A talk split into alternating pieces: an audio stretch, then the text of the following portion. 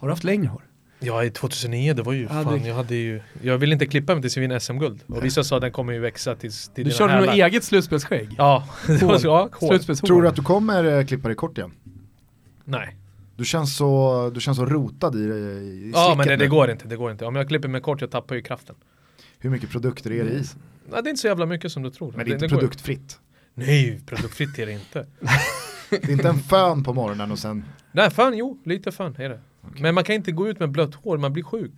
Det är fortfarande saker som man har Men från Å Balkantiden. andra sidan, blir du sjuk, då är det bara att köra strumporna i Slivio och sen så är det Du vet vad jag menar? sova, så blir det bra, bra dagen efter. Och vinäger alltid in i strumpan. Ja. Ja. vått hår Jag gick till för- skolan och bara, fan, det, det, vi, på idrotten bara, vinäger? Jag bara, jag var, jag var sjuk du vet, vi lägger in i strumpan. Vad fan gör ni? Vad gör ni?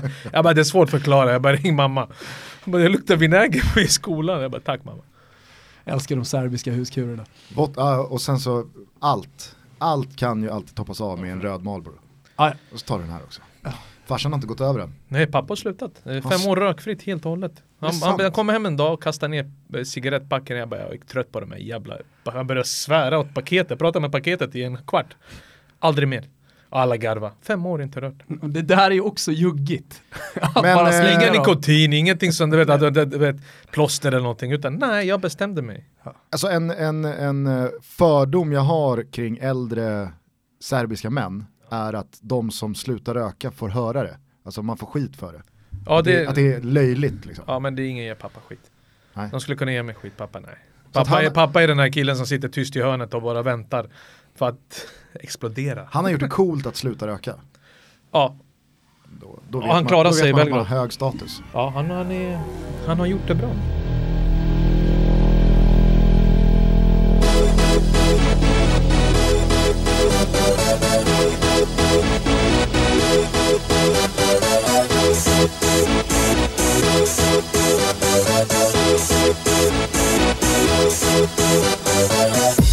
For this?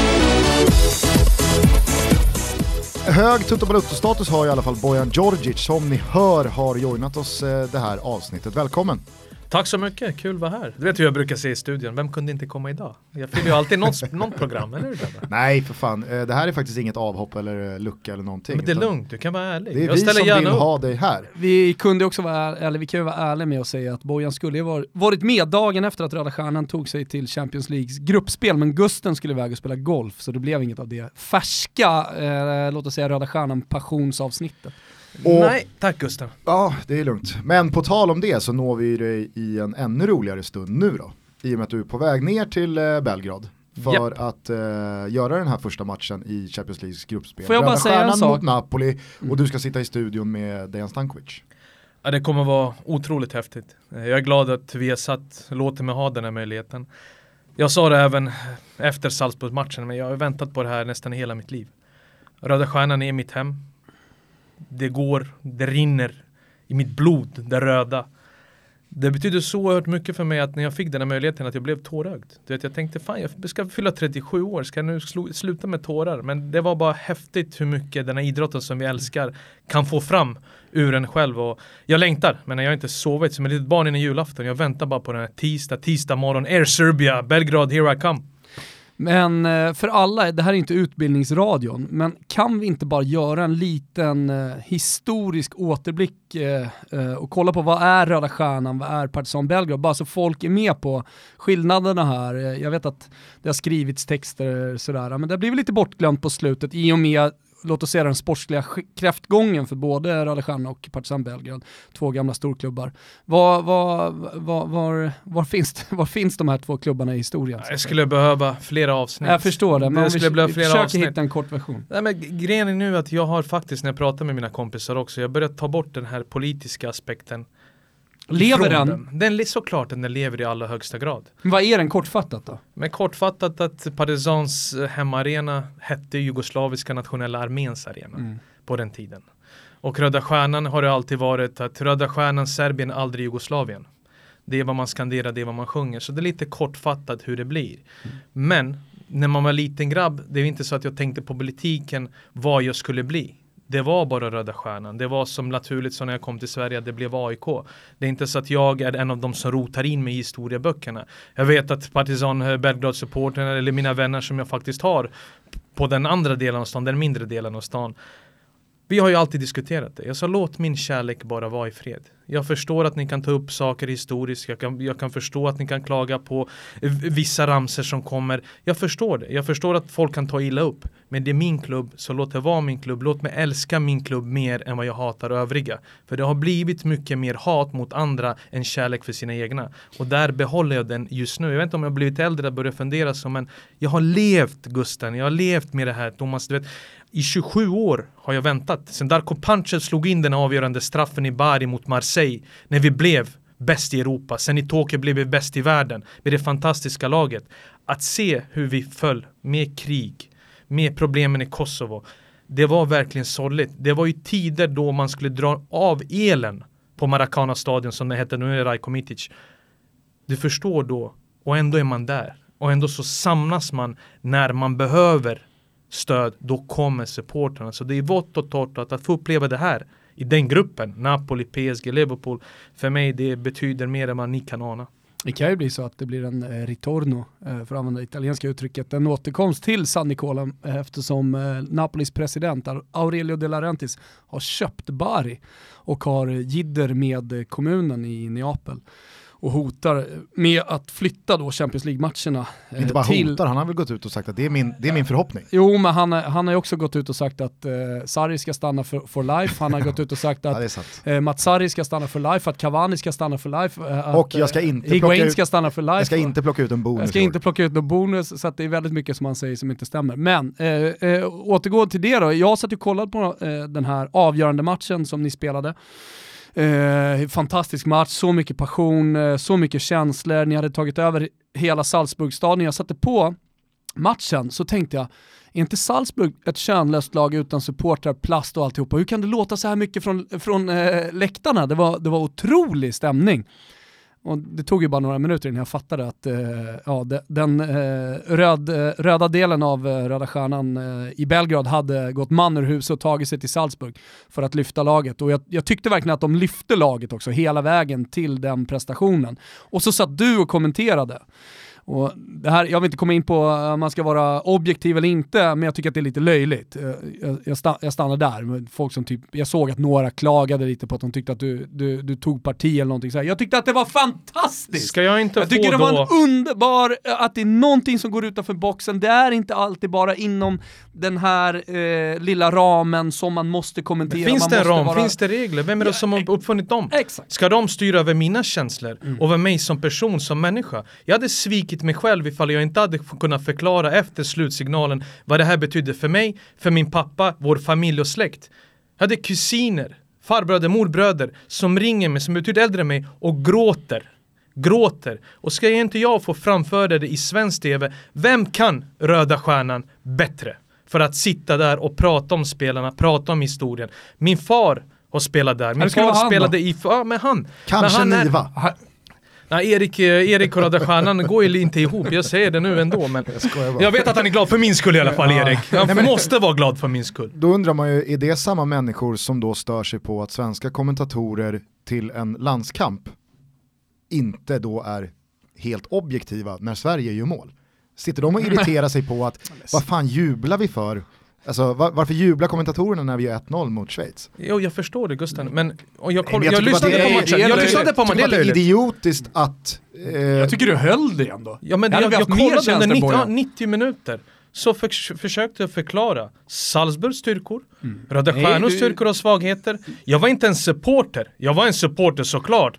Men jag kommenterade matchen ordentligt och den som skrev eller den som säger att jag inte gjorde det vill inte ens lyssna. Han lyssnade inte, eller hon lyssnade inte. de och det är det som är innan, jag problemet. med. De har bestämt sig om mig innan för länge sedan. Man märkte att det var mute-knapp där när slutsignalen gick. Nej, men alltså, man hade ju också jag- förstått att Passionen kom ju kritiken- då. Man hade ju förstått också eh, kritiken på ett annat sätt ifall Röda Stjärnan hade slagit ut Malmö. Men när det också är Salzburg, Som alla ändå vem hatar. fan bryr sig? Jo men det är folk som har bestämt sin åsikt om mig redan. såklart. De som jag inte fortfarande kan förändra. De som vill inte lyssna på något som är annorlunda. De måste förstå, ja, jag ser mig som en svensk. Men mina serbiska rötter är ju starkare i vissa avseenden. När jag pratar med min dialekt, med mina känslor, passion. Ibland när munnen går i 360 km i timmen. Det är jag. Men ibland så måste man även lyssna på dem som man inte kanske gillar eller delar åsikt med. För vi kan ju hålla på AIK, vi tre här. Men vi sitter ju på arenan, vi kan klaga. Ska vi ändå understryka att jag håller inte på AIK. Nej men jag säger bara vi tre. Ja, jag- Om vi jag- skulle gå till Friends Arena sitta där, jo du måste ju rädda dig själv. Rädda dig själv, men du förstår vad jag menar. Mm. Vi kanske tycker att Rickard Norling borde valt en annorlunda startelva. Det är det passionen, den passionen får aldrig gå bort. Mm. Samtalsämnena, diskussioner, vad ska jag sitta hemma? Spela, kan, vad heter de här spelarna och spela Counter-Strike, CS eller vad som helst. Det är COD inte mitt liv. COD, ja, men jag vet inte, jag spelar inte de här spelen. Jag tycker det är häftigt såklart, men folk borde umgås och prata lite mer och lyssna på varandra, det tycker jag. Har du också märkt, vi har umgåtts med Bojan här nu i en och en halv timme, varit och käkat lunch och sånt. Har du också märkt att jag, att han smittar av sig Bojan? Att, att jag tar efter honom, så, sättet han pratar på. Ja, Det tar ju alltså fyra sekunder. Sen i- du ja, jag. sen, sen har Thomas lagt sig till med en staccato-brytning. Ja, men det, jag älskar sånt. Jag älskar Ja, sånt. jag är den är första, så fint jag är den alltså. första att förstå det. Sen så har jag alltid, jag menar jag har både spelat fotboll och gått i skolan och umgåtts väldigt mycket med alltså, både juggar och andra killar med en brytning. Men Jag är bra på att inte låta den eh, liksom, ta sig in i mitt eget eh, uttal. Vi Men får To- se hur men det Thomas blir då det här direkt. programmet. Eh, vet, det sa jag till dig någon gång tror jag också. Det absolut tydligaste liksom, jugguttalet, det är på positiv. Positiv. Hallå, hallå Gusten. Positiv. Gusten. när du börjar ja. säga positiv, då vet man att du har Gusten, hängt för Gusten. mycket med Bojan. Eh, kort börja. recap bara för de som har missat det. Vi kan väl säga det att eh, ett avsnitt, ett, till- ett dubbelavsnitt Mm. finns med Bojan Djordjic längre bak i katalogen. Där det är faktaruta och totalt typ två och en halv timme eh, om hela Bojans karriär. Ja, men där får man så att säga Bojan Djordjic 360 grader Ja. och det rekommenderar vi starkt. i ett lite mer vanligt gästavsnitt. Det här avsnittet är Bojan eh, här som eh, ja, men, eh, samtalspartner.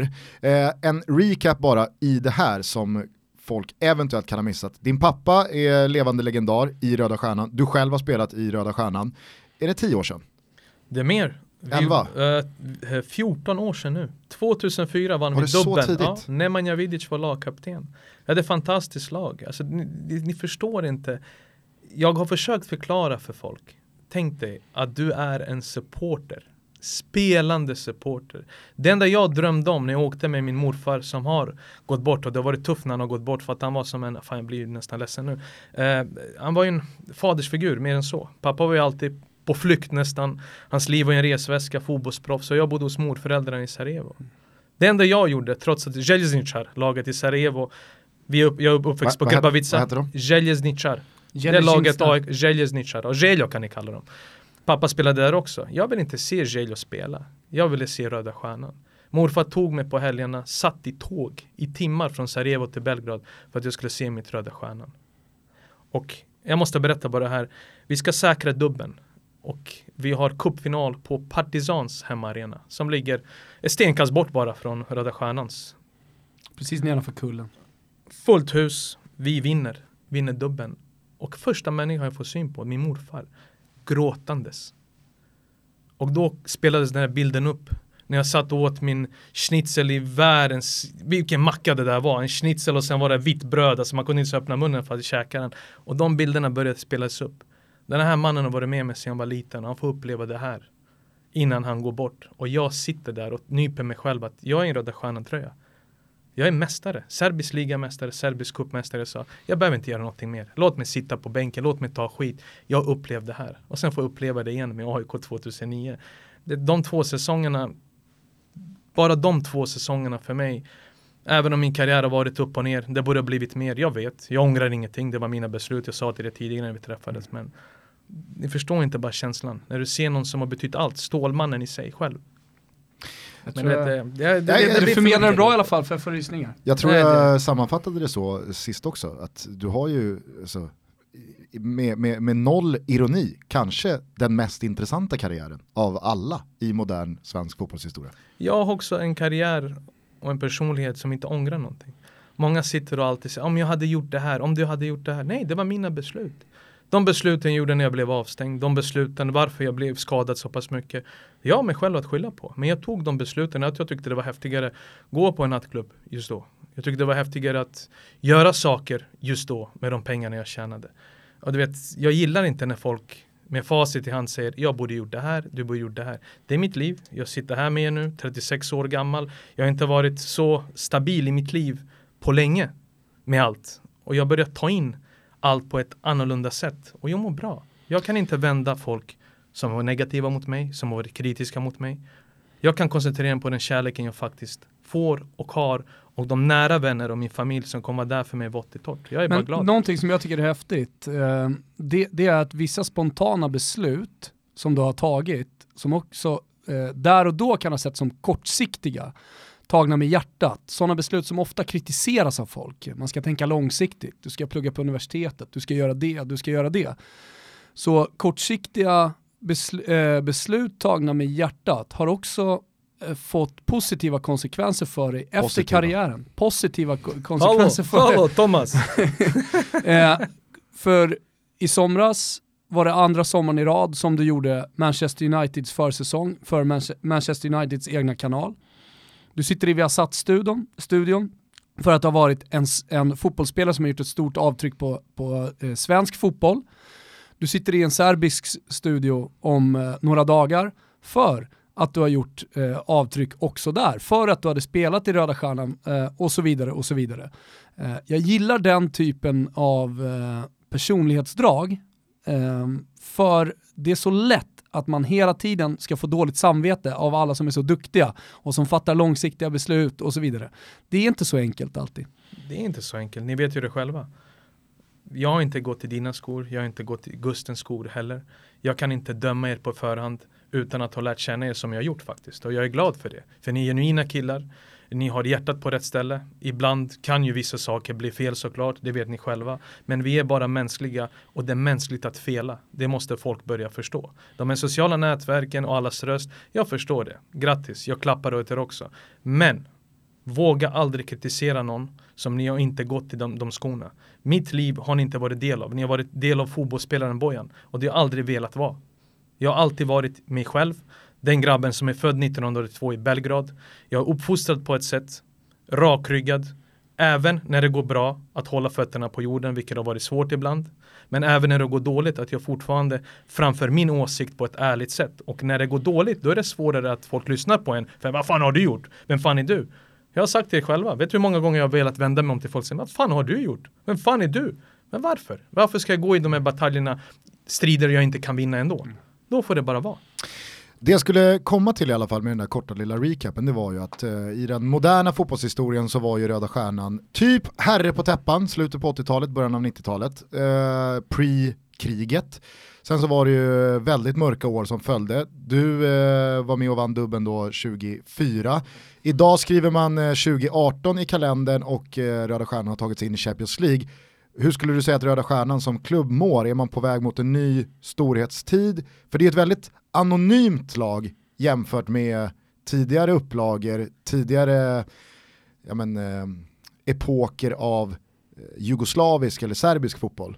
Tittar jag på Röda Stjärnans lag idag så är det ju inte några spelare som... Och så plus så Nemanja Radonjic flyttat till Marseille. Ja, Det är kanske stora namnet som var med i Ryssland i den truppen. Eh, så det har ju varit svårt och det är svårt att behålla spelarna eftersom man är ute efter pengar. Och det är väldigt svårt att behålla yngre spelare eftersom den talangen, bolltalangen finns i våra länder. Att man flyttar väldigt tidigt. Den klubben som har tjänat absolut mest pengar i före detta Jugoslavien det är Mamic och Dinamo Zagreb. Med deras Champions League-äventyr, med deras spelarförsäljningar och allt det de har lyckats med. Det är hatten av. Oavsett hur han har gjort det, vad som helst. Det är sådana spelare som har fostrat Dinamo Zagreb nu. Så sen menar- verkar väl ha varit lite shady business kring... Jo, det kan det alltid vara, men jag Modric, ja. pratar fortfarande att det är ändå vi pratar om Luka Modric, vi pratar om bolltalangen, spelgeniet. Det är inte någon som har pushat honom trots att han inte haft talangen där, trots att det finns tusen agenter som har fingrarna med i spelet överallt där nere. Jag koncentrerar mig på det sportsliga och för det är ändå hatten av att lyckas behålla och sälja de spelarna för det priset från ett Jugoslavien som, som är sju länder just nu tror jag om jag räknar rätt. Det är tufft och Röda Stjärnan samma sak. Det är andra året i rad nu man, åker, man är ute i Europa. Förra året Europa League. Det var häftigt. För oss var det allt. Och nu når Champions League. då du i dubbelmöte var faktiskt sämre spelmässigt än Salzburg. Du hade marginalerna på sin sida. Men de här pengarna kommer väldigt välbehövliga. Men det är inte så att den här truppen kommer kunna behålla i sin helhet till nästa år. För folk får få upp på ögonen. Var det, var, var det åttonde eller nionde kvalet i rad som Salzburg missade? Ja, de, har ju, de har ju missat, vad fan, nu är det 11 i rad eller något. Var det elva? Ja, det är, det, det är någonting, det är någonting sånt. Malmö har väl slagit ut dem två, Två, gånger. två gånger ja. Två Men, gånger. Det är eh, sista, sista hindret kl- klarar de i söndag. Och Leipzig tillbaka- gjorde det på ett. Tillbaka till frågan då, ser du eh, Röda Stjärnan och eh, jugoslavisk fotboll fortsätta sin marsch framåt här och ta sig tillbaka till eh, en högre nivå? Eh, jag hoppas att man får lite högre status. Problemen är ju inte där. Problemen ligger ju i det serbiska fotbollsförbundet just nu. För folk är ju väldigt glada, i alla fall den röda delen av Serbien som håller på Röda Stjärnan, att man har lyckats komma ut dit. Nu får Europa se oss. De får uppleva Belgrad, de får uppleva 50 000 människor som faktiskt älskar den här klubben. Det är ingen Men som jag tänker kommer att det är också ner. bra för Belgrad som har gått eh, en, en lång match här nu efter kriget att eh, komma tillbaka som ett, ett, eh, eh, en weekendstad, en, en stad att verkligen liksom uppleva för, för européerna. Ja, Belgrad har alltid varit det, det är bara de här fördomarna. Vet, vi hade ju, det är ju NATO-bombade Belgrad eh, 1999. Men det är ju egentligen Sarajevo som har tagit mest stryk i före detta Jugoslavien med inbördeskriget i Bosnien eftersom det har varit så uppdelad. Belgrad har ju klarat sig undan. Men samtidigt den bilden världen har av Belgrad är ju helt fel. Och jag brukar få mina kompisar, svenskar som killar med eller tjejer med invandrarbakgrund säga Åk ner och se döm inte. Äh, och det Ja. kan jag verkligen fylla i. Jag vet att vi pratade om det sist eh, när du satt i den här studion eh, Bojan. Sen dess har jag varit där. Sen dess har du varit där. Eh, och som sagt, det, det var en, en, en av mina absolut bästa reseupplevelser eftersom man alltid utgår ifrån sina ja, men fördomar dels, eh, men också förväntningar på en stad. Eh, och alltså renare, eh, trevligare, Eh, jag som då älskar fotboll, du kan ju ta vem som helst och prata till exempel italiensk fotboll. Eh, de kan allt, de vet precis allt om lagen. Eh, och, och dessutom då snorbilligt, eh, jättebra mat. Alltså du, du får ju, om man ska åka på en weekendresa så får du ju allting i kvadrat lite grann i, i, i Belgrad tycker jag. Ja, jag håller, jag håller med er. Men det är också, det är inte så att jag pratar ut den kärleken jag har till staden eller till mitt gamla hemland. Utan jag pratar genuint att det, fin- det är så sevärt och folk är, Balkan är trevligt. Var du än åker så träffar du trevliga människor. Jag har folk som varit i Montenegro och Kroatien säger, "Åh, vilka, vad, vad trodde Kroatien ni att vi var? nya Mallis. Men vad trodde vi var? Vi är så. Jag är bara en normal kille. Jag pratar kanske mindre. Segla i Kroatien, det är ju liksom det Alltså, nya jag- jag bländar in. Lollo Bernie. Jag sitter på ett café om jag ska, sitter i Belgrad och jag ska åka till match. Jag får inte tala. Jag kommer inte till tal, här pratar jag hela tiden. Mm. Men där är ju för alla andra som ska se till mig hur det är, hur det var. Och jag älskar ju sånt. Du till slut är- lämnar man vet inte vad vi pratar om. På, Balkan, på Balkan är Bojan introvert. Precis. Ja. Han är lite introvert. Ja det blir sådär. Fan, alltså, Åh, borde våga mer. Bojan. Ja, det, han, du borde våga lite mer Bojan. Kom igen nu. Vi såg ju eh, ett serbiskt landslag också vara tillbaka i VM-sammanhang i somras. Gick kanske inte som eh, tänkt. Det var ju ingen klappkass insats, men eh, inget avancemang och Min gamla tränare Slavoljub Muslin, som vi hade 2003-2004, tog ju Serbien till VM och får sparken innan. Och det var ju just på grund av Sergej Milinkovic Savic eftersom folk ville ha med honom efter hans fantastiska sång i Lazio. Han var inte med under kvalet. Och jag tycker faktiskt att Slavoljub Muslin är den bidragande orsaken till att det gick som det gick för Serbien under VM. Och att Branislav Ivanovic blev av med sin kaptensarmband. Det gick ju till Kolarov. I Serbien betyder det oerhört mycket att vara lagkapten. Och plötsligt har det varit under hela kvalet. Sen blir någon annan det. Mladen Krstajic kommer in. Förbundsgubben Mladen Krstajic, gamla Schalke-spelaren, mittbacken. Kommer in. Du rubbar ju allt möjligt och det fortsätter nu. Folk är missnöjda med Men- valen med allt och vi måste få ett stopp på det där. De bästa måste in och har du en tränare som har tagit oss efter åtta år till VM så måste han ha fortsatt förtroende eftersom han har gjort någonting bra för landet. tror du att han, vad hette förbundskaptenen? Mladen Krstajic, Nej men eh, under kvalet, Muslin. Muslin. Hade han skippat Milinkovic Savic även till VM? 100% så tror jag att han hade gjort det. För Slavoj Muslin är en man som inte bryr sig om ett namn. Han bryr sig om laget, han bryr sig om omklädningsrummet och vet vad han gav sig in på i kvalet när han inte ville ha med honom. På grund av problemen de två hade mellan sig. Han är väldigt principfast, vilket är emot det vissa på förbundet står för. Och jag tycker att man borde bara lämnat det för landet hade enats på ett helt annorlunda sätt. Det blev ju så, första matchen vi vinner mot Costa Rica, sen kom ju Schweiz-matchen. Och man väntade bara på att det skulle ske. Målet Shaqiri gör det på, på slutet, det förändrade hela bilden. Och då kom ju det här under ytan att vad är det vi har gjort? Vad är det ni gör? Ni sviker oss, folket som har väntat på det här. Och den där grejen är det fortfarande, det är, en, det är ett mörkt moln över just den biten och vi måste gå mot bättre och ljusare du, tider. På kul bara en liten parentes där, uh, Shakiri han kommer ju tillbaka till, uh, tillbaka men han, han kommer ju till uh, Med Liverpool ja. Med Liverpool till, till Belgrad, det har pratats om att han ska ha egna, äh, men, rigorös säkerhet kring honom. vad kommer han få för mottagande? Ja, mottagandet kommer inte vara som man får när han åker någonstans där folk älskar honom. Men det är en vadskada veckan innan, men, men jag kommer inte åka. Samtidigt så måste vi faktiskt ibland bita oss i tungan och visa Europa, världen, ett bättre ansikte. All den passionen, all det hatet, ta bort det och stöd Röda Stjärnan. Ge honom mottagande med det, men det får inte gå överstyr. För det överstyr höll på att kosta oss. För matchen mot Salzburg spelades utan publik. Även den här matchen mot Napoli skulle spelas utan publik, men de lyfte på den. Mm. Men nu har vi två matcher bortamatcher utan publik mot Liverpool och PSG. Så någonstans så måste man tänka på klubben, på vårt eget bästa, trots att det finns en annan mörk agenda såklart som har följt efter oss sen såklart den matchen mot Schweiz. Mm. Eh, jag, jag, ska snart komma tillbaka till eh, bara landslaget och sy ihop den säcken. Men jag är lite nyfiken, hur, eh, hur ser övriga Serbien och kanske eh, större delen av Balkan på Röda Stjärnan? Hoppas man på att det går bra för dem eller hoppas man att det går dåligt för Röda Stjärnan? Den du vet diskussionen här hemma att alltså, ja, det är alltså, bra för serbisk fotboll. AIK-supportrar och IFK Göteborg-supportrar och Djurgårdssupportrar, de vägrar ju ställa upp på att oh, men nu hejar ju alla på Malmö i det här kvalet, eller Östersund. Nej, det händer inte så hos oss. Det, det, jag säger inte majoriteten, men jag vet 100% att vissa Partizan Belgrad-supportrar hoppas innerligt på att det ska gå åt helvete för Röda Stjärnan. För jag vet ju känslan när vi var där nere då 14 år sedan. Då hade ju Partizan Belgrad tagit sig in i Champions League. De tog sig via Djurgården och sen Newcastle. Och den gruppen, de hade Real Madrid. David Beckham kommer till Belgrad. De kryssar hemma mot Real Madrid. Och vi ska spela derby mot dem tre dagar efter. Och den sorgen hos Röda Stjärnan supporterna just att de får njuta av någonting som egentligen vårt. Det var påtagligt. Men det är där nere. Sen har jag kompisar här som håller på Partizan som tycker att det här är bra. Och någonstans innerst inne så tror jag inte att de tycker att det är bra.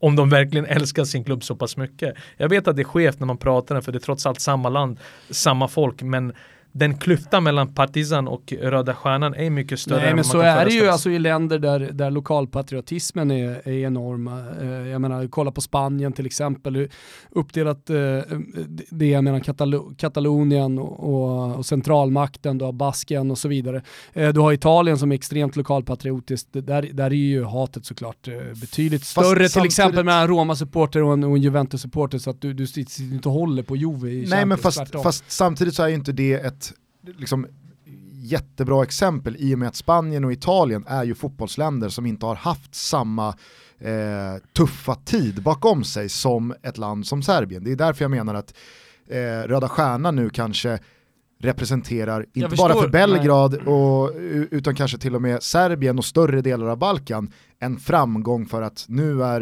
eh, forna jugoslavisk fotboll på frammarsch så att man håller på dem i jag den Men jag, jag, förstår hur du tänker, du ska inte svara för det är Bojan, Bojans klubb och hans, hans Balkan.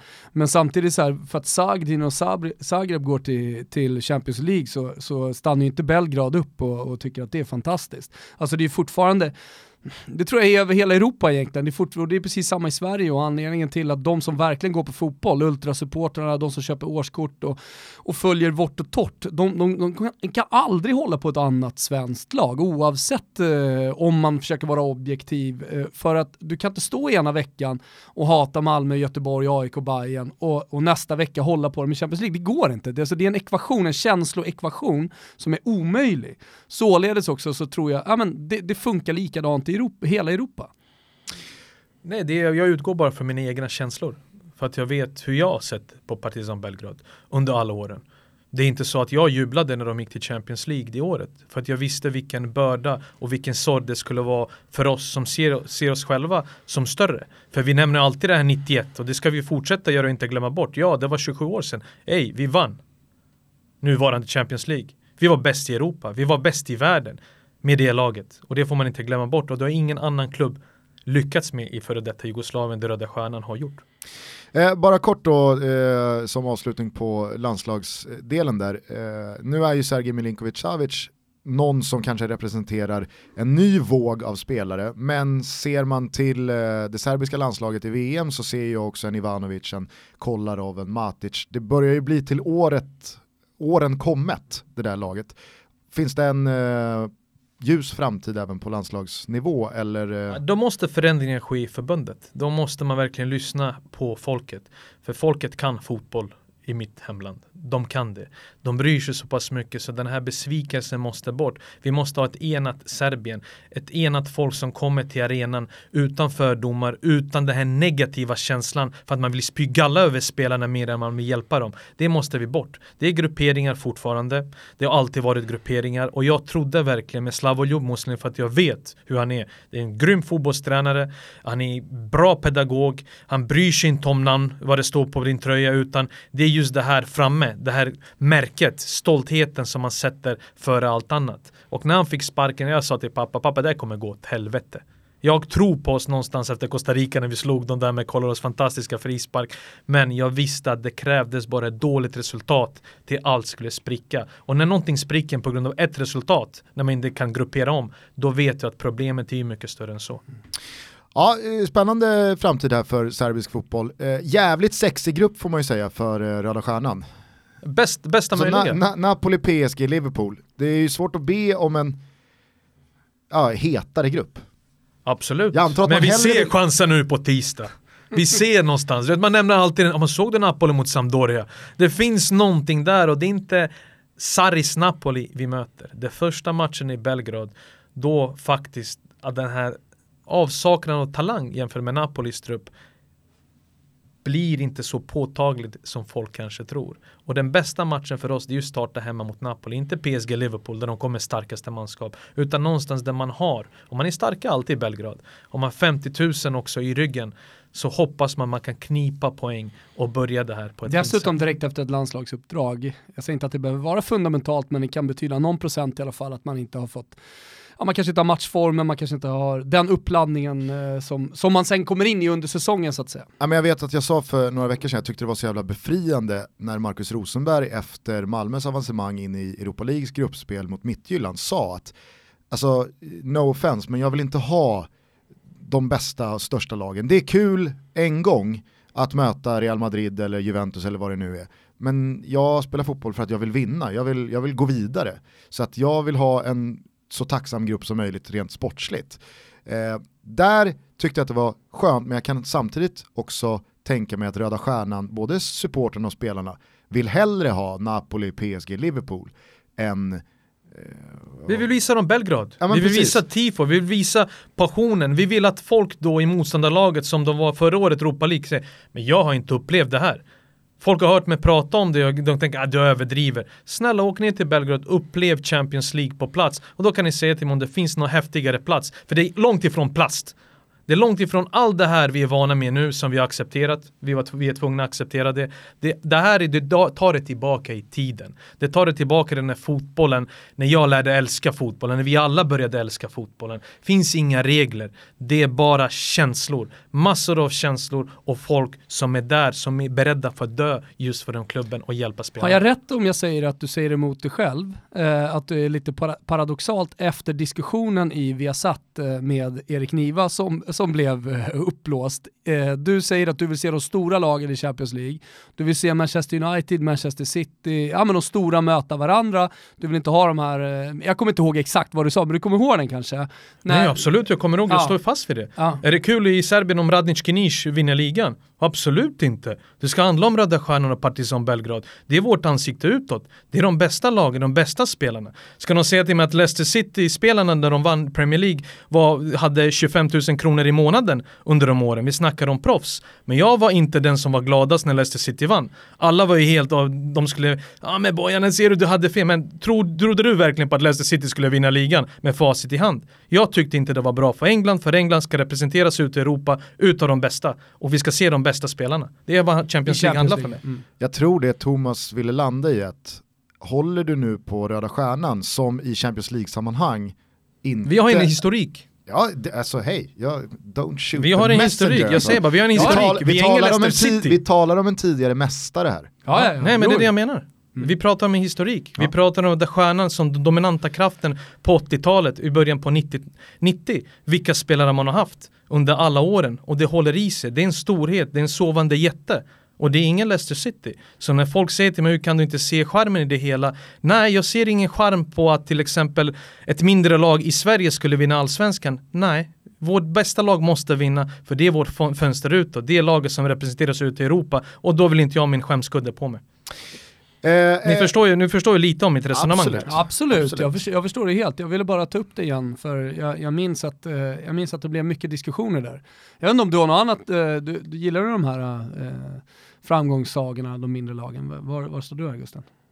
Eh, jag måste säga att Leicester gillade jag, alltså som mästare. För där tyckte jag också att de, alltså, de motbevisade oddsen. Sen så är jag helt på Bojans sida att när det kommer till Champions League och vi börjar närma oss kvartsfinalerna, då vill jag se Bayern München, Men då går ni Barca. emot er själva, det vill Erik också ju. Nej, jag, går jag men har fortfarande inte sagt Hur- min Vill ni hur- se, åsikt. vill ni se Victoria Pleasant i en kvartsfinal i Jag har, inte, jag har inte sagt min åsikt Nej just Victoria Pilsen vill man ju aldrig se. Jag har Nej, inte men sagt alltså, min ni åsikt än. Eh, Men eh, i Champions League, där är det ju inte bara de engelska mästarna Men som vi pratar om Premier League ändå. Mm. Kolla på omsättning på lagen. Fulham som är nykomling, topp tre av de som har spenderat mest pengar under, under sommaren. Sen ska de säga till mig att det är inte pengar som styr där också. Det jag menar, det är fortfarande plast. Även om Leicester City är en mindre klubb som med sämre spelare lyckades vinna någonting som jag aldrig trodde på. Ja, hatten av. Men det är inte så att jag går ut och badar i, på, i fontänen på Sergels torg. Det gör jag inte, utan jag tycker att det är mer skämskudde på de stora klubbarna som har tillåtit det med den truppen, med det materialet att Leicester City skulle segra det året. Kvartsfinal för Röda Stjärnan i Champions League, blir det Sergels torg? Kvartsfinal. Ja. Om vi, tar, om vi Ja. kommer trea och tar oss till Europa League, då, Då blir det, då blir Sergels torg. Det där är Jag ganska joinar enkelt. dig, Bojan. Ja, vi måste ju. Ja. Det är flaggan ut, åka med bilar som Det gamla tider. det enda sista- charmiga ska jag säga, som jag tycker med framgångssagan, nu tycker jag att hela Premier League är, är plast, så att jag har svårt med, med Leicester City, men säg att till exempel Sampdoria skulle gå och vinna den italienska ligan, får vi ändå säga är lite samma sak. Eh, så skulle jag, det är, det, charmen i det Ja, är du att gillar det fortfarande... Vojadin Boskov Sampdoria, det är det det gäller. Det Det, är gör jag Mancini, Lombardo, Mancini, Lom- Vialli, oj, oj, oj, Platt. oj. Nej, vi snackar nu, jag snackar 1988. Ja. Norrköping, Sampdoria. Ja, fina grejer. kom- Nej men det, det jag menar är att det på något, 92. något sätt eh, visar för alla andra att fan, det, det, det är ändå möjligt. Alltså i fotboll så kan man ändå göra det. Sen blir det ju, eh, alltså det finns ju olika ingångsvärden som man kan ha när man diskuterar olika saker, till exempel som här. Framförallt så tror jag att det är ett nyhetens behag som många inte kan värja sig från. Det, det ska ju inte hända jämt, då blir det ju inte charmigt. Men det, med det jag Leicester, det är- med Leicester och det jag tror att, eh, jag- alltså, jag- som gjorde att folk rycktes med i det och verkligen tyckte att det var roligt, det var ju att det ska inte kunna ske och det har inte skett på så länge. Skulle det ske var och, var, var och vartannat år så hade det inte här- varit samma sak. Nej men, nej, men exakt. Nej, men det, det ska vara omöjligt och alltihopa och Ranieri, den eviga tvåan kommer och vinner med Leicester och så, och så vidare. Det, det jag menar är bara att jag tror att Bojan och Erik diskuterar två olika saker. Så är det säkert.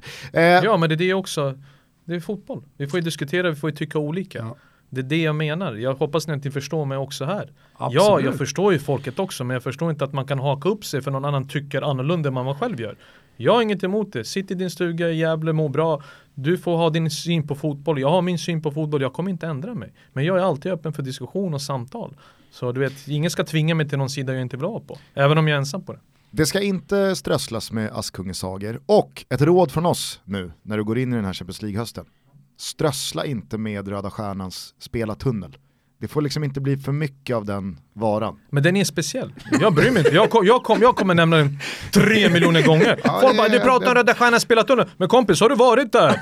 Du har inte varit där, du förstår inte vad jag menar. Kan du- det är kan- ingen normal tunnel. Kan du, kan Man du, borde och- bara få betala så att ta med folk och visa dem Ja, bara det- tunneln. I, nu åker du ner på tisdag och du ska göra den här matchen för serbisk TV. Kanske någon liten grej till Viasat, vem vet?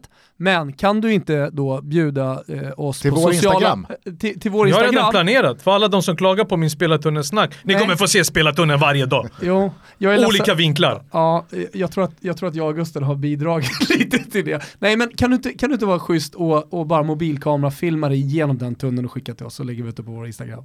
Jag ska tänka på saken eftersom ni har gjort så att folk har börjat hoppa på mig. Jag var, Måste jag ju, börja hämta folk till den här studion? jag var ju i ett eh, serbiskt Ska gå som Sarri med två livvakter där. Jag var ju i ett serbiskt häkte i Belgrad för mindre än ett år sedan och av det att döma så är ju spelartunneln, det är ju mer rugged. Ja. Det är mer ruft. Ja, jag gillar det också, jag ser det indirekt peak. Men det är bra. Gustav, det är bra. Är Jag bara fint. noterar, jag noterar bara. Nu kommer ni aldrig, du vet när jag låser fast mig vid någonting, jag kommer den spela tunneln varenda sändning. Nu, på lördag ska jag jobba med Erik, Tottenham, Liverpool ska vi göra. Jag ska prata om Röda Stjärnan Bra. spelar tunneln från ingenstans. Jag, jag ska sitta bänken. Förresten, det är inte som Röda Stjärnan spelar tunneln där. Vi är sponsrade av Betsson, det vet ni ju sen innan och ni som lyssnade på förra avsnittet kunde också höra att vi väldigt, väldigt glädjande tävlar ut biljetter till det stora Stockholmsderbyt mellan AIK och Bayern nästa söndag. Hur gör man då för att lägga vantarna på de här fyra paketen där alltså vi ska ta fram fyra vinnare som alla får ta med sig varsin kompis? Jo, man tävlar med spel via Betssons nya smarta funktion Bettbilder.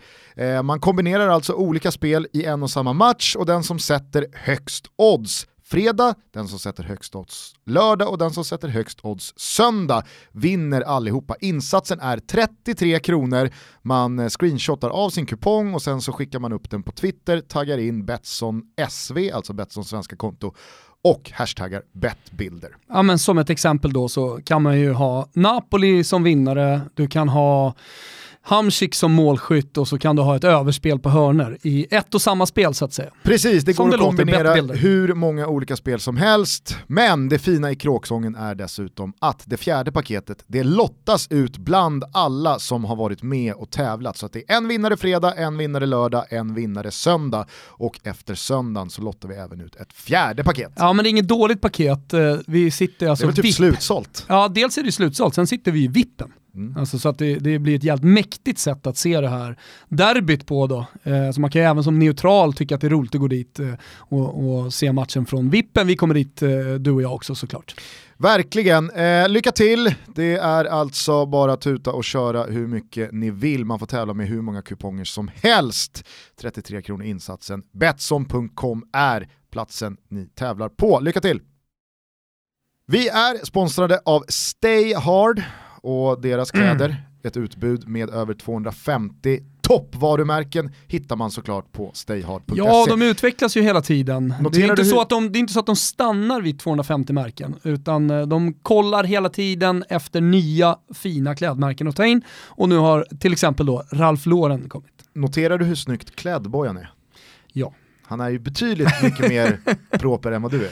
Ja, eh, idag är han ju verkligen det och eh, såg att han har en grå polo, jag vet att jag pratade om det förra gången. Det är exakt en sån som jag har beställt från Stay Hard. Precis, man kan klä sig snyggt, man kan klä sig för eh, gymmet, man kan klä sig för eh, hemmakvällar och för fest. Eh, med rabattkoden TUTTO så får ni 20% på alla ordinarie priser. Men det är ju som vi så många gånger tidigare har påmint ett smörgåsbord av redan röda prislappar. Ja, och nu kommer ju verkligen hösten. Alltså, nu är det läge att uppdatera garderoben. Eh, Nu vill man under hösten se lite snygg ut när man blir lite blek också. Så passa på, det här gäller inte hur länge som helst. 20% får ni, koden är TOTO och eh, hemsidan är stayhard.se. Äntligen så är det dags för ligafotboll igen och på Strive så ser ni La Liga och Serie A hela säsongen. Ja, men om vi gör, vilken helg vi har framför oss Gusten. Är det någonting som du har kikat lite extra på? Ja, men jag är ju otroligt svag för att se matcherna från Serie A där de små lagen välkomnar de stora lagen. Mm. Så jag ser lite extra fram emot Cagliari-Milan Mm. på söndag. Den ska bli väldigt mysig. Och sen så eh, är jag ju lite så här Mr Motvall som jag är. Eh, jag, jag gnuggar Sevilla den här säsongen i och med att eh, Pinitoro har varit här och slaktat Sevilla och pushat Pratat för Betis. Ja. Eh, så att Sevilla ska jag se göra slarvsylt av Getafe på söndag kväll också. Mm, Vi har ju också eh, A-laget mot B-laget i Italien. Vi har Juventus mot Sassuolo. Det har pratats väldigt mycket om den, eller om de två klubbarna i och med att eh, de har gjort mycket affärer eh, emellan. Alltså som, som man då ser borde ha gynnat Juventus. Eh, men nu är ju faktiskt Sassuolo tvåa. Så det vi har att göra med här när Juventus ställs mot Sassuolo, det är ju faktiskt en seriefinal Gugge! Det är en ren och skär seriefinal. Det är en ren och skär semifinal. Sen Som slutade 7-0 i våras. Ja, så slutade 7-0 i vår. Vi får se hur det här slutar. Jag, jag kan tänka mig att Cristiano Ronaldo är rätt sugen på att komma igång med målskytte. Det är annars anmärkningsvärt i Italien, Gusten, att Iguain, Ronaldo, Icardi, alla de här stora målskyttarna som förväntas ta skytteligatiteln har ju fortfarande inte gjort ett enda jävla mål. Nej. Sen kommer ju sitta och lida när Napoli eh, fullständigt piskar dit och tar ner Fiorentina på jorden. Ni ser allt det här, alltså alla Serie A-matcher, alla La Liga-matcher hos Strive. Man eh, reggar sig på strivesport.com, det kostar 79 kronor i månaden, eller så går det alldeles utmärkt att göra det via appen som ni hittar där appar finns. Exakt, och det är faktiskt ett tips. In-app purchase, alltså att man gör som ett vanligt appköp när man, när man eh, då signar upp för 79 kronor. Det gjorde jag och det är ett bra tips. Eh, vi släpper Röda Stjärnan, Serbien och Champions League och riktar istället in oss på Manchester United. Eh, Bojan har ju som Thomas redan nämnde varit med under försäsongen för andra året i rad. Du har ju ett väldigt tajt band till klubben fortfarande. Eh, det stormar ju redan ordentligt kring både laget resultatmässigt men kanske framförallt José Mourinho. Hur ser du på den här första månaden av tävlingsmatcher? Ja, det har varit tufft. Det har varit tufft, men det är inte så att jag förväntade mig något annat. Eh, under de åren José Mourinho har varit där får man inte glömma bort. Han har spenderat en hel del pengar. Han har fått sina spelare förra sommaren. Han skulle bygga någonting så att man skulle vara närmare titeln. 19 poäng efter Manchester City. Det borde ha blivit- blivit betydligt fler eftersom City tappade en 2-0-ledning där i derbyt så att istället för 25 så blev det 19. Och jag tycker att en klubb som Manchester United, trots att det är bättre ska man understryka än vad det var under Moyes som Van Gaal, ska inte ligga bakom den marginalen. Fotbollen som jag älskar, fotbollen som gjorde så att man reste upp sig på Old Trafford, är ju helt totalt bortblåst. Man förlorade matcher i spelartunneln på Old Trafford redan. Eftersom United stod fast vid att vi var bättre än våra motståndare. Genom ett eget spel, genom egen kraft, så vann man på det. Mm. Och jag tycker ändå att den truppen i sig, hur mycket en José Mourinho kan klaga på den, trots att han inte fick sina spelare. Man får inte glömma bort, man spenderar en hel del pengar på Fred också. Så det är inte så att de har sagt nej, du får inte. Jag hade inte heller gett honom 75 miljoner pund för att köpa Harry Maguire. Det står jag fast vid. Jag tycker det är för mycket pengar. Jag tycker bara att de bästa spelarna, de som har mest talang, har inte utvecklats under hans ledning. Ja, det det Han har haft turen nu för att det har vänt mot Ed Woodward och Glazers. Så han vet ju själv vilka knappar han ska trycka på och han har fått den backningen. För Manchester United är alltid den här klubben som står fast och vill inte bua ut och vara som alla andra. Man vill ha lite stolthet, man vill ha den här äran i behåll och nu har han fått stödet som egentligen inte han hade. Utan all ilska har riktats mot ägarna och vad klubben är på väg för att där ska man inte vara. Och jag tycker han har klarat sig lindrigt. För den fotbollen måste uppdateras. Frågan är om man kan uppdatera den. Och när han fick jobbet så sa jag också, jag är glad att det inte är van Gaal och längre, men förvänta er inte en Sir Alex typ av fotboll. För Mourinho i alla lag han har haft tidigare, det har varit riskminimering, det har varit att man vinner, men ska du spela på det sättet, då måste du vinna. Då räcker det inte att säga, men vi kommer ju tvåa. Förra året var vi sexa. Det är en framgång. Det är Manchester United vi pratar om. Vad får du för reaktioner eh, när du säger de här grejerna i, i, i England? Ja, det är uppdelat. Det, engelsmännen är ju ännu mer eh, Twitter, vad ska jag säga, Twitterberoende än vad vi svenskar är. Men folk gillar det för det kommer ju från hjärtat. Framförallt det är de min syn. Mm. Jo men det är min syn. Det är min ärliga synpunkt på det här. För när jag ser på spelare som Pogba, Martial, även Lukaku, eh, Rashford. Har de blivit bättre under José, José Mourinhos ledning? Nej, det har de inte blivit. För man spelar inte till deras styrkor och då får individen ta stryk. Spelare med talang, kreativa spelare som ska vara bet- betydelsefulla ska också känna sig så. Mm. Du ska ge dem det självförtroendet och möjligheten att vara så bra som de kan. Och det har de inte blivit. Men jag, jag, jag måste fråga, är det, inte, är det inte väldigt märkligt att Mourinho efter drygt två år fortfarande har saker att skylla på? Alltså det är ju hans lag. Det är ju han som arbetar med dem, det är ju han som... i Vet Sir Alex hade aldrig Gusten satt sig efter Tottenham-förlusten och peka på resultatet 3-0 och säga det är mina tre Premier League-titlar. Nej, det, är det- mer än... det- Sir Alex skulle är aldrig gjort det. Och då måste du sätta klubben före dig själv. Manchester United är större än vilken spelare som helst. Och Manchester Uniteds rygg kommer jag alltid ha, för det finns ingen som kommer växa. Så gör inte det på det sättet. Det är en klubb med värdighet och ibland så tycker jag att han tar de här gränserna så långt att han glömmer bort vad han är någonstans och vilken klubb han har att handskas med. Ja, det var ruskigt ovärdigt. Eh, en stor skillnad är att hade Sir Alex gjort det så hade han ju i alla fall pratat om ligatitlar han hade tagit med Manchester United. Alltså Mourinho sitter Själv. och åberopar ligatitlar han har tagit med en annan klubb. Så jag, det, det vart liksom så här extra ovärdigt att dra upp dem. Men förstår du min fråga? På dig låter det som att han har ganska många i ryggen som liksom lägger skulden på Glazers, Ja, han har utnyttjat det. Ja, men är det inte det- inte det han. konstigt? Old Trafford efter Tottenham, det är han som står Han vet ju framför exakt vad han Stratford gör Han vet han exakt vad han gör. Och det är när jag pratar med mina vänner som jag, jag sa, jag ser inte att han är genuin när han gör det, utan han utnyttjar er. Han utnyttjar att ni är sårbara, att ni är ledsna, att ni är tomma. Så att ni har hans rygg och riktar ilskan någon annanstans där han får ännu mer utrymme för att växa och vara kvar. För vi måste kolla på den fotbollen man spelar. Det är långt ifrån den fotbollen man vill se på Old Trafford. Det är långt ifrån en klubb som åker ut i åttondelsfinalen i Champions League mot ett dåligt Sevilla, ska man säga. Ja, ja, och blir utspelade. Ja, det vill man inte se. Man måste tillbaka. Ja, det är bättre. Men vi snackar fortfarande om en jävla massa pengar som har spenderats och det är han som har pekat och det är han som har fått sina spelare förra sommaren. Och jag förstår ibland ägarna, även om de bara ser vinst, de är vinstdrivande alltid. De ska inte ha allt skit nu och han ska inte kunna utnyttja det för att klara sig själv med den filosofin, idén han har. Nej men hur kan han fortfarande ha saker att skylla på? Det, det övergår mitt förstånd. han har ju, han har ju tappat sig någonstans eh, på vägen. Eh, det har han gjort. Och han kommer alltid hitta saker att klaga på för att han är väldigt intelligent i det sättet. Han läser, han ser, han känner av. Och hur ska jag skydda mig själv på bästa möjliga sätt? Det vet han själv. Och det gör han. Det gjorde han mot Burnley också när man borta slog dem nu. Han står framför supporterna. När såg vi en José Mourinho göra det på det sättet? Har vi sett det tidigare? Nej, men han börjar inse vilken makt supportrarna har och hur sårbara de är just nu i det här läget. För man vill inte sparka ytterligare en tränare. Man vill inte hamna i skiten återigen. Vem finns där? Men jag tycker att United är större än vem som helst. Och United kommer alltid finnas där när alla vi där är borta. Vad ser du för eh, prognos här under säsongen? Är den helt och hållet resultatstyrd eller eh, vart slutar det här? Uff, den är tuff. Jag sa innan, även om jag visste att den här säsongen skulle vara tuffare än förra, att man skulle ändå klara eh, eh, Champions, Champions League. För jag tycker att den truppen är inte så dålig som folk har fått den att se ut när man kollar igenom en startelva. Det är ju fotbollen som gör att man halkar efter.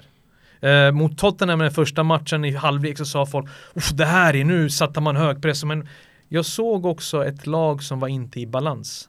Efter 0-1 kommer så faller man ihop som ett korthus. Då vet man att omklädningsrummet samlar sig då och säger nu gör vi ett försök. Men efter 0-1 målet kommer, när allting faller, då betyder det att sprickan är ju större än så. Och jag tror inte han har alla ombord, alla spelare ombord. Och det är inte många som njuter av att spela på det sättet han vill. Kan de sparka honom? Jag tänker på att de förlängde hans eh, kontrakt så sent som i januari. Nej, inte just nu, han har ju tryck på det. Det är nästan som att han känner av det och säger ja men det kommer ju kosta dem pengar för att sparka men jag tror inte United kommer göra det, nej. Vad, vad hade du gjort? Om du hade suttit bakom ratten? Eh, Man måste ju, man måste ju kolla vad, vad det finns för alternativ. Jag tycker en eh, man som jag alltid älskat beundrat, inte för det han har gjort med Real Madrid, men att Zinedine Zidane är ledig och står där, att se honom eh, Old Trafford. Jag tror den skulle inge ett helt annat självförtroende till en spelartrupp. Han har varit där både som spelare, han har varit där både som tränare. Och när jag ser honom med kostym där som jag gjorde på Bernabéu, jag blir ju glad för det för den han är. Mm. Och jag tycker United behöver en man med lugn, en man som folk respekterar utan att sätta sig själv i, i det första läget. Så där finns ju alternativ och sen får vi se hur länge han är ledig. Men jag tror någonstans när han sitter skulle jag tänka, det här kanske kan vara nästa steg för mig. Jag vet inte om du håller med mig, men jag ser det som en verkligen som en omöjlighet att Mourinho kommer förändra Manchester United fotbollsmässigt. Det kommer han aldrig göra. Nej precis. Men Så det- du, du du var ju ju- med på försäsongen. Jag vet vad jag, Henrik Persson, här stor United-supporter, ställde frågan också för han visste att du skulle komma hit. Men eh, du pratade då om att, de prat, eh, att Mourinho fokuserade mycket på att stänga ytor och sådär. Alltså, såg du någon eh, liksom förändring under den här försäsongen? Man, man saknade ju massor av VM-spelare, först och främst de stora stjärnorna. Men det spelar ingen roll. Det var Träningarna-. Jo, ja, det absolut. fick man höra. Jo, det fick man höra. Men uh, klagade Klopp, klagade Guardiola, klagade Pochettino? Nej, de det koncentrerade sig på de det unga spelarna. Han gillar ju inte unga spelare, först och främst. Han, han gör ju inte det för att han inte ser dem. Han pratar ju om att ja, men det är två olika grupper här och en av dem är inte min. Men de är ju Manchester United-bundna. De är dina spelare just nu på den turnén, så får du se till att göra dem så bra som möjligt. Men det gjorde han inte. I synnerhet Och det är också det med att- traditionen av det i United. Jo, men man kan fortfarande gömma sig bakom statistikerna. Det är fortfarande många av de här spelarna som får speltid och minuter jämfört med de övriga lagen. Men det är just för att sådana som Marcus Rashford och Jesse Lingard och vissa räknar ju fortfarande Paul Pogba också som en egen produkt och de, de är ju så självskrivna och de, det är de som får minuterna. Men vad kommer underifrån? Blir någon bättre? Får någon chansen? Nej, utan de är redan färdiga spelare och Mourinho älskar ju färdiga spelare. Det är man vill åt. I alla sina lag han har varit, har allt varit färdigt. Uh, återgå till din fråga också. Det var väldigt defensivt eh, på träningarna. Det var mycket att stänga ytor, det var mycket om riskminimering och det var jag koncentrerade mig mest på det är att se en Pereira i den här nummer 6-rollen. Som är så skicklig, även om det var är hans rätta roll, men han spelades in där, att slå de här raka passningar som bryter igenom motståndarens linjer. Han var så skicklig på dem och det betydde att anfallsspelet blev ju bättre istället för sidled sidled. Han kunde slå fem passningar som var fenomenala som gjorde så att man fick ett bra anfall men slå en, en passning bort och det blir omställning emot. Då kunde han stoppa träningen och påpekade till Pereira.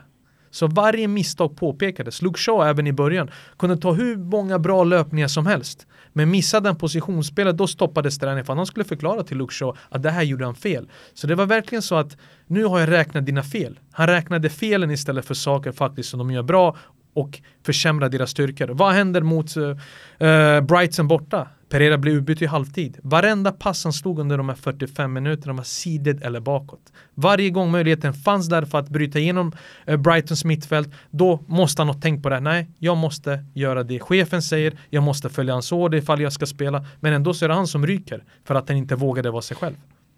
Det låter ju här som att... Eh, Rävsax. Ja, men, ja, men det låter verkligen som att United har en dyster eh, framtid under Mourinho och att ja, de kommer säkert lösa en Champions League-plats och de kanske kan ta sig till en kvartsfinal i eh, Champions League.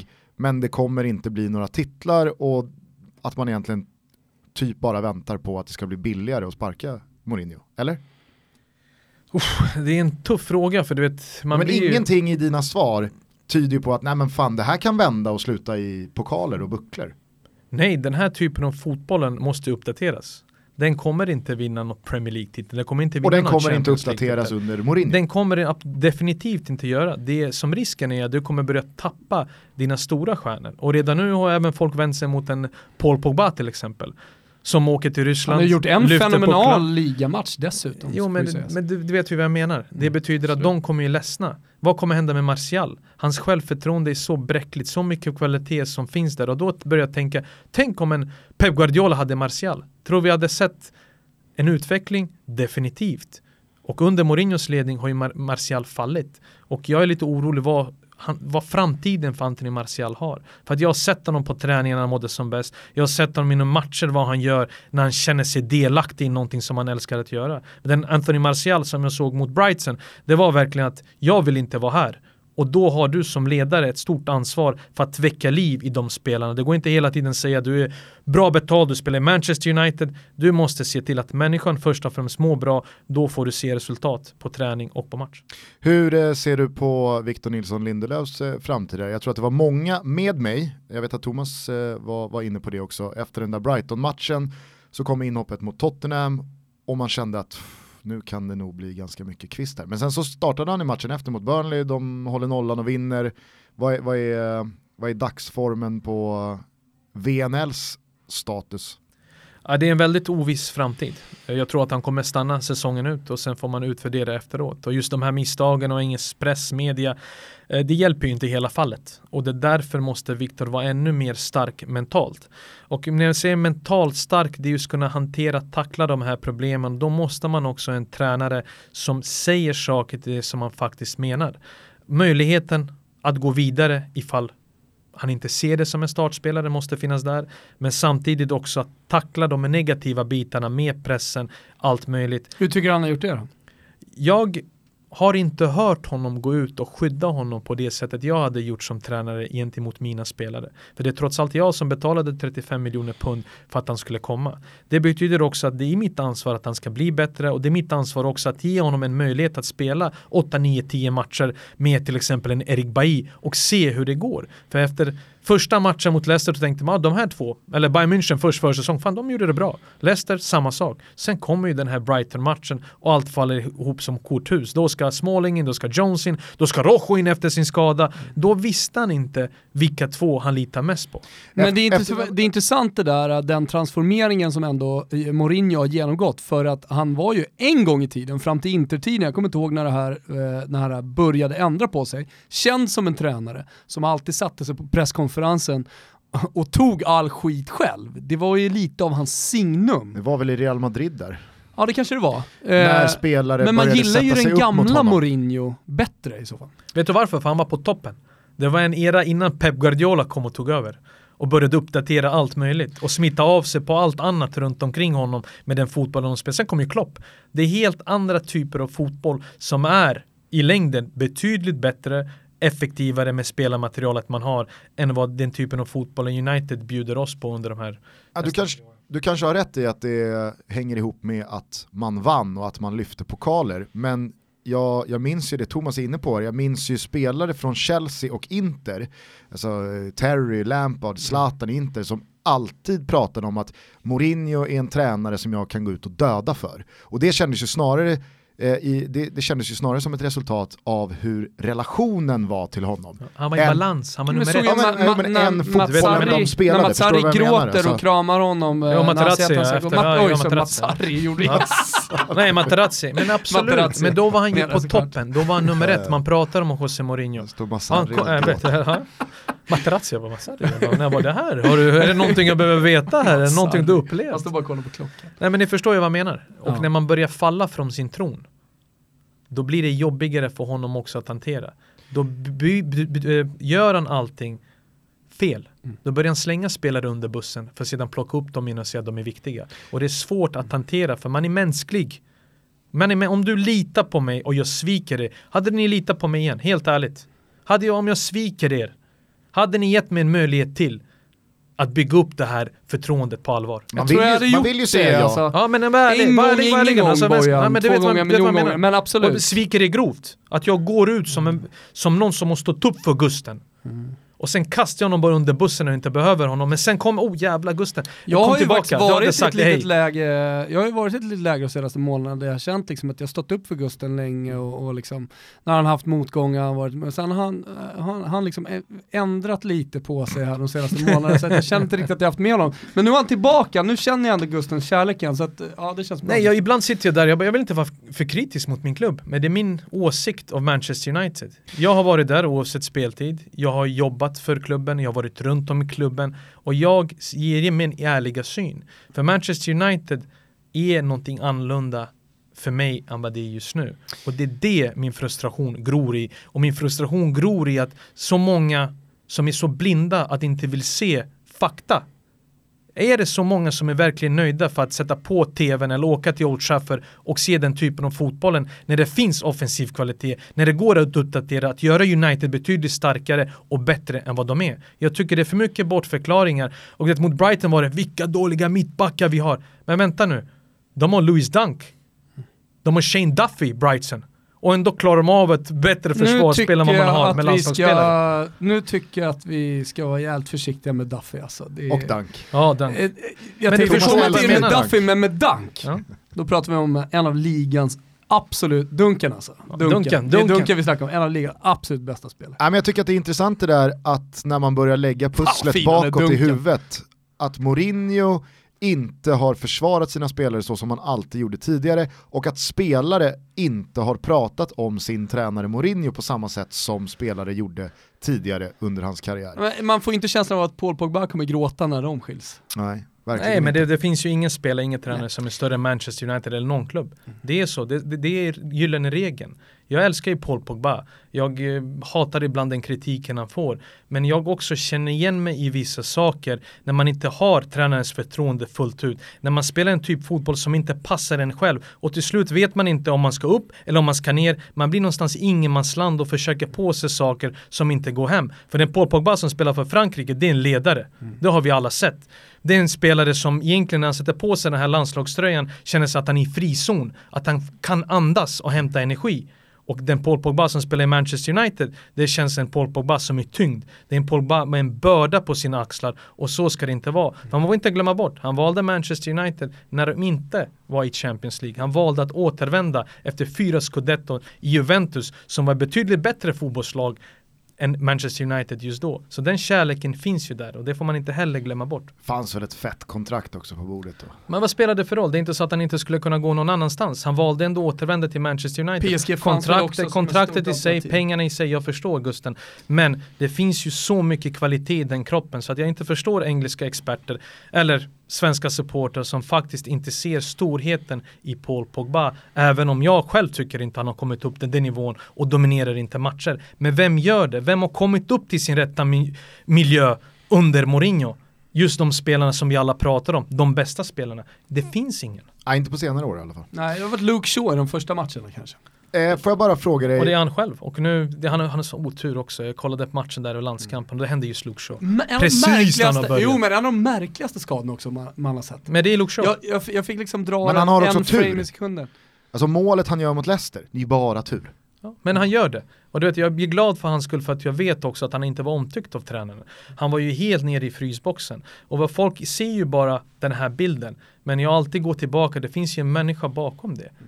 Han har ju varit i klubben så pass länge det att han har fortfarande mer matcher för Southampton än för Manchester United trots att det är hans femte säsong.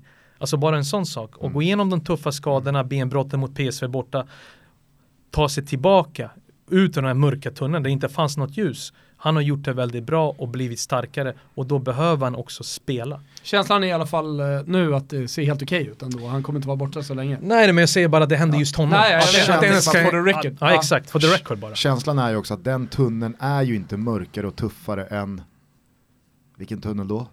Röda stjärnan spelar tunnel, ladies and gents. Eh, får jag bara eh, kort fråga, när eh, Jamie Carragher och eh, Gary Neville i Sky Sports-studion här efter Tottenham-matchen säger som de gör om Lindelöf, att, eh, jag menar Carragher satt väl och sa att eh, Neville jag- sa inte så mycket. Nej men Carragher. sa ju liksom, jag tycker synd om Lindelöf för han hör inte ens hemma på den här nivån. Så att det är mest bara smärtsamt att se. Vad, vad, vad skulle du som har både bott och spelat och verkat men också varit där på senare år i England som land, vad skulle du säga att det har för impact när, när man säger så om en spelare i Manchester United? Det har ju mycket större än vad man tror. Det är hans åsikt, han har spelat på den yttersta nivån, han har själv varit mittback, han får stå för sina egna åsikter. Han pratar om en spelare, och det får vi inte ta illa upp, bara för att Viktor är ju svensk. Men han pratar utifrån sina egna erfarenheter, det han har sett i Premier League. Det är inte, han, har följt, han har inte sett Victor i Benfica till exempel, han har inte sett honom i landslaget då under VM. Och det är en annan Victor som spelar med en landslagstränare likt en Paul Pogba. Att det blir som en frizon. Att allt man gör så blir det nästan rätt. Man har marginalerna på sin sida, även om man halkar eller gör någonting fel så händer ingenting bakåt. Man har hamnat i en period nu där varje gång han gör någonting så blir det fel. Speciellt när han är på väg upp från den svackan, ska starta och så händer det här som inte får hända. Mentalt så måste han vara stark, man får inte låsa in sig. Man får inte komma till en landslagssamling och inte prata med journalister för det är fortfarande en Manchester United-spelare och man vill höra vad han har att säga. För- Man måste våga vara sig själv och våga utåt som man egentligen är. För jag gjorde en eh, egen mental jämförelse, eh, för jag såg Frankrike komma hem till eh, Stade France var det vad de spelade på. Eh, det var fest, man hade verkligen dukat upp för fest. Nu kommer världsmästarna hem, det var första matchen, då tennismatchen på hemmaplan efter VM-guldet i somras. Spelarna kommer ut, dansar, sjunger den nya fantastiska jävla låten. Mm. Ja. Även en, i mina öron i alla fall, nykomponerad ramsa om N'Golo Kanté ja men den har ju rullat lite. Ja, men där de har alltså, tagit Jag vill ta hem från Oh, Champs-Élysées, oh, Champs-Élysées. Fast de sjunger Oh, N'Golo Kanté. Exakt. Jävligt bra. De gillar ju, han är lite maskot där. Ja, men det var så jävla fina scener. Jag såg hela matchen, det var, liksom, det var verkligen fest rakt igenom. Det var en värdig hyllning av ett landslag som hade gjort en fantastisk sommar. Vi vann inte i Sverige, vi gick till kvartsfinal, men det var ändå en, en, en helt fantastisk sommar där ett helt land slöt, slöt upp. Det har varit ett val nu, det, eh, det har varit ett val som har eh, eh, eh mycket präglats av polemik mellan liksom, de olika partierna och allt möjligt jag tycker ofta liksom att fotbollen kan vara just den frizonen eh, som eh, förbrödrar, försystrar, enar eh, och, och, får alla liksom att dra åt samma, samma håll. Alltså det är kärlek, det är passion och, och det är fest. Jag trodde ju, jag var på den här matchen på nationalarenan, jag trodde att det skulle bli fest här kan man ju prata om så här, ja, det var måndag klockan sju, eller klockan nio, eh, det var kallt och så vidare. Men ändå, det skulle vara en fest, man, eh, man, man, borde ha dukat för fest. Det här föregicks då av en landslagssamling där allting borde ha varit liksom den här härliga, positiva, efter VM, nu samlas vi igen och så vidare. Men som jag inte riktigt upplevde och då som jag tycker eh, smutsas ner av eh, Nilsson Lindelöfs och Robin Olsens eh, bojkott av eh, eh svensk media. Dessutom lämnar ju Emil Forsberg samlingen eh, där tysk media går ut och gör gällande att det handlar om att han inte drar jämnt med Janne och så ja, vidare. Och det är vad tysk media säger. Jag såg att Hassan, hans agent, sa idag att nej, det finns absolut ingen spricka, men jag måste också påpeka att jag tycker att han använder eh, Emil eh, fel för att han får inte ut eh, all sin fotboll. Så att jag menar, det, känslan är att det kanske ändå finns någonting där. Eh, hur som helst, eh, jag, tycker, jag tycker Erik Edman sa det bra, alltså, han tyckte det var tramsigt. Eh, jag tycker att det är ovärdigt. Jag tycker att det, det, det är direkt eh, respektlöst mot de svenska supporterna. Eh, att, att inte, ja, för det våra, två, två av våra absolut största spelare inte pratar. Det är inte så, det är inte så att det, det är liksom till svensk media, att de gör någonting för svensk media, utan alltså media är där för att rapportera, för att ta deras ord ut till alla eh, eh som lyssnar, som tittar och som läser. Eh, eh jag vet inte, vad, vad, hur ser du på, på situationen? Jag har själv varit i en situation där ibland när någon har skrivit någonting som inte stämmer att man bojkottar den personen. Man vill inte prata med den personen. Men sen kommer man hem och man lugnar ner sig, i facit i hand. Det är inte där jag ska strejka, det är inte där jag ska bojkotta, det är inte en tv-studio jag ska lämna. Det är min röst ut till mina supporter, de som vill höra vad jag säger efter en förlust, efter en vinst. Trots allt så har man en plikt som en Roma-spelare eller Manchester United-spelare för att vara större än så. För de är större än så och vi har inte många som spelar i sådana stora klubbar. Det finns jävligt många kids höra... som har Lindelöf och Olsen som hjältar såklart. Såklart, men jag säger till dig att det också handlar om den mänskliga faktorn när man i sin egen lilla bubbla och riktar sin ilska mot en tidning eller mot en viss journalist eller en viss typ av frågor. Jag tycker när man spelar i de klubbarna ska man kunna tackla, hantera de frågorna väldigt proffsigt sätt. Så för mig sa vi nådde kvartsfinal i VM, den första matchen på hemmaplan och då måste man någonstans ta bort de egna frustrationen och ge folket det de vill höra. Försöka ena, tacka, undvika vissa frågor som undvika, men se det man vill. Mm. Även om man plan planerar innan så inte det Jag har ju varit en del av den här rapporteringen, jag har eh, sagt det till Gusten också, helt otroligt. Jag har skrivit eh, alltså tre Olsen-kröniker, det vill säga Roma-kröniker. Förr i tiden var det ju Zlatan och sådär, men nu, nu har det varit... de Zlatan? Nej. nu har det varit Robin Olsen. Eh, och jag tycker att vi har gjort en rättvis eh, eh, liksom bild av hur det har varit. Ibland har fått kritik. Men vi har också skrivit om liksom, de positiva, eh, den positiva statistiken. Vi har skrivit om att han har, han har fått eh, eh högst betyg. Jag vet att Fredrik Pavlidis på, på Fotbollskanalen också har gett exakt liksom, den bilden som italiensk media har gett. Jag skriver bland annat så här eh, efter Atalanta-matchen. För Robin Olsen var det såklart en mardrömshalvlek. Han kan inte lastas för någon av, något av målen, men eftersom man minns Allison och hans mirakel förra säsongen uppstår ändå missnöje och således kommer han fortsätta stå under supporternas och lokalmedias kritiska lupp. För Olsen däremot, eh, jag skriver lite sen säga, för Olsen däremot fortsätter prövotiden i Roma. Varje steg, varje upphopp, varje inspark kommer att granskas. Jag hoppas bara att han lyckas stanna in i sin bubbla, för där ute i Romnatten blåser det snålt och det gillas förrädiska fällor. För det är, det, det är väldigt hård bevakning. Jag har varit med i tre olika radiostationer och pratat om Olsen den, den, senaste tiden. För det är så, det är, det är deras landslag, eh, alla, alla Roma-supportrar och det är en enorm press liksom, och inte minst då på, på en målvakt.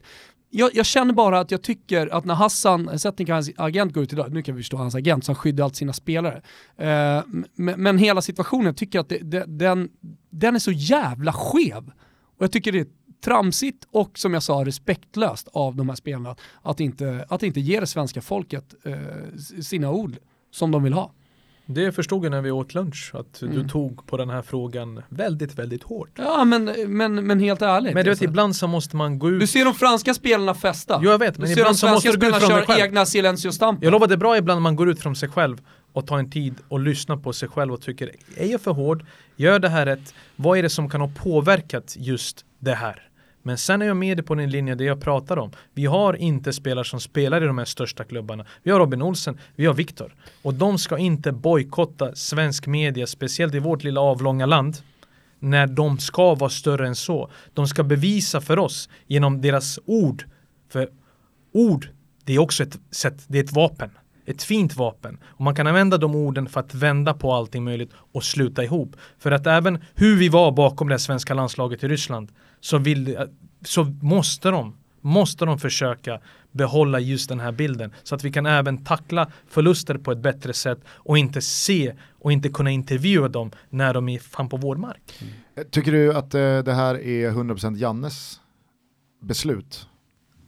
100% spelarnas beslut som har gått till tränarna, gått till förbundet och säger vi kommer inte göra det här. Ja, men alltså, tycker, du att Janne, tycker du att Janne ska säga nej det är jag som bestämmer? Men det, det, om jag, och jag säger jag är inte Janne, om du frågar mig, om jag hade varit förbundskapten, ja. vilket det kommer aldrig ske, men man vet aldrig, man får ju drömma.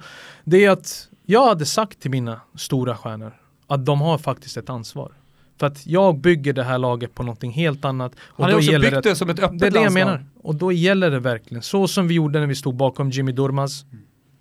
Så vill jag att mina spelare ska vara även utåt, även när det är kritiska frågor att hantera. För journalister kommer du få dem av. Vi är snälla jämfört med vad de är ute i Europa. Hur kommer de tackla italiensk press, engelsk press om de ska hela tiden bojkotta? För då kommer de vända mot sig. Då spelar det ingen roll även om du gör godkända ja, insatser. så kommer, ju, så kommer man börja bli sågade fotknölarna. För även om jag aldrig gillat journalister något speciellt, jag har haft alltid bra kontakt med dem, men jag förstår också innebörden att mina ord är faktiskt ett vapen. Då kan jag utnyttja de orden för att försöka få min bild på det hela istället för att det ska vara ett frågetecken efter mitt namn hela tiden. För det förvärrar för en själv i längden om inte prestationerna är där. Bojan Djordjic, jag eh, antar att du har en väldigt, väldigt rolig eh, sensommar och höst framför dig här nu med Röda Stjärnan i Champions League och ett svartgult SM-guld som, Allt bara, möjligt. som bara ligger som bara där runt tappas. hörnet. ja. Eh, Rinna ur händerna. Kom gärna tillbaka till oss eh, om några månader. Absolut, det tänker jag definitivt göra. Det är alltid kul faktiskt att stå och lyssna och eh, bara lite råd till folk kanske hemma eh, som sitter och lyssnar på det här. Det är att fortsätta att vara er själva.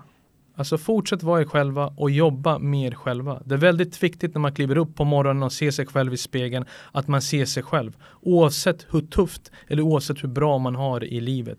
Vi lever en gång, det är en klyscha men det är faktiskt sant. Ta vara på den här tiden, på de här dagarna vi har ihop aldrig tappa den här passionen för den här sporten för vi älskar den så pass mycket även om vi inte delar samma åsikt hela tiden. Och det, är, det är mitt råd och det är tufft men du har bara det själv. Du gör dig själv starkare, ingen annan.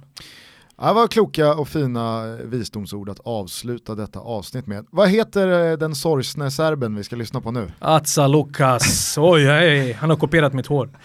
Okej. Okay. Eh, här kommer lite Atsa Lukas. Eh, C, Sätt inte på den just nu, då kommer jag börja ta men fram nej, rakblad nej, och venerna kommer ju ta nej. stryk och allt möjligt. Kommer kasta in mig i Donaufloden floden i på tisdag. det här löser superproducent eh, Kim Wirsén, så att, eh, vi, vi ska inte lyssna på den här i studion. Eh, man ser det i helgen, Absolut, Tottenham, lördag. Liverpool. Jag och Erik Niva. och sen så är det säkert någon eh, med något eh, riktigt eh, streampaket som kan få in serbisk tv då. Arena. Sport, men vem vill inte se Dejan Stankovic i studion? Och Gärna. Bojan Djordjic. Eh, jag noterade också att du inte heller sa emot mig när eh, det blir svartgult guld. Du har, tagit, du har tagit det för givet. Jag säger så här, med den truppen så skulle det vara katastrofalt dåligt av AIK av oss att tappa just det i år. Vinner vi inte i år, det känns så, helt ärligt, jag sa det till dig, vi kommer inte vinna nästkommande tio. Det här ska man tro på. Det här ska man inte tappa för att man blir feg. Man ska visa samma mod som man visade mot Tecken under den första halvleken och man har en bra bänk. Man har mycket kvalitet, man har erfarenhet. Man ska se fram emot de här matcherna mot Norrköping, eh, mot Hammarby, Derby, Göteborg borta. Det är där du ska visa att du är bäst i Sverige. Det är inte mot Kalmar hemma eller Örebro. Men Spännande vecka dem. som kommer då eftersom det är just Men du ska leva matcherna. för det här, jag vet ju det. Vi åkte till Göteborg 2009. Och hade vi inte trott på det så hade jag suttit här, eller jag hade inte suttit här, jag hade inte ens jobbat i TV, jag hade flytt landet. Ja, det är Men jag sant. trodde på det där. Jag trodde på mitt lag. Det ska de tro på. De har supportrarna bakom sig. De har inget förlora. Man ska inte tänka negativt. Du ska se det själv där uppe. Du Det ska är lyfta faktiskt den här. helt sjukt när jag tänker på det, att Mutumba tatuerade in guld 2 lax 9 innan Göteborgsmatchen. Fast nu med facit i hand, nu när vi kan Mutumba och alltihopa, superrimligt. Jo, ja, men det- väldigt men- rimligt. Jag hade blivit besviken om man inte hade gjort någonting. Jag kommer ihåg eh, när Wayne Rooney hamnade i onåd med Sir Alex och skulle till Manchester City. Och det var någon City-supporter som tatuerade in Wayne Rooney i Manchester City-tröjan över hela ryggen.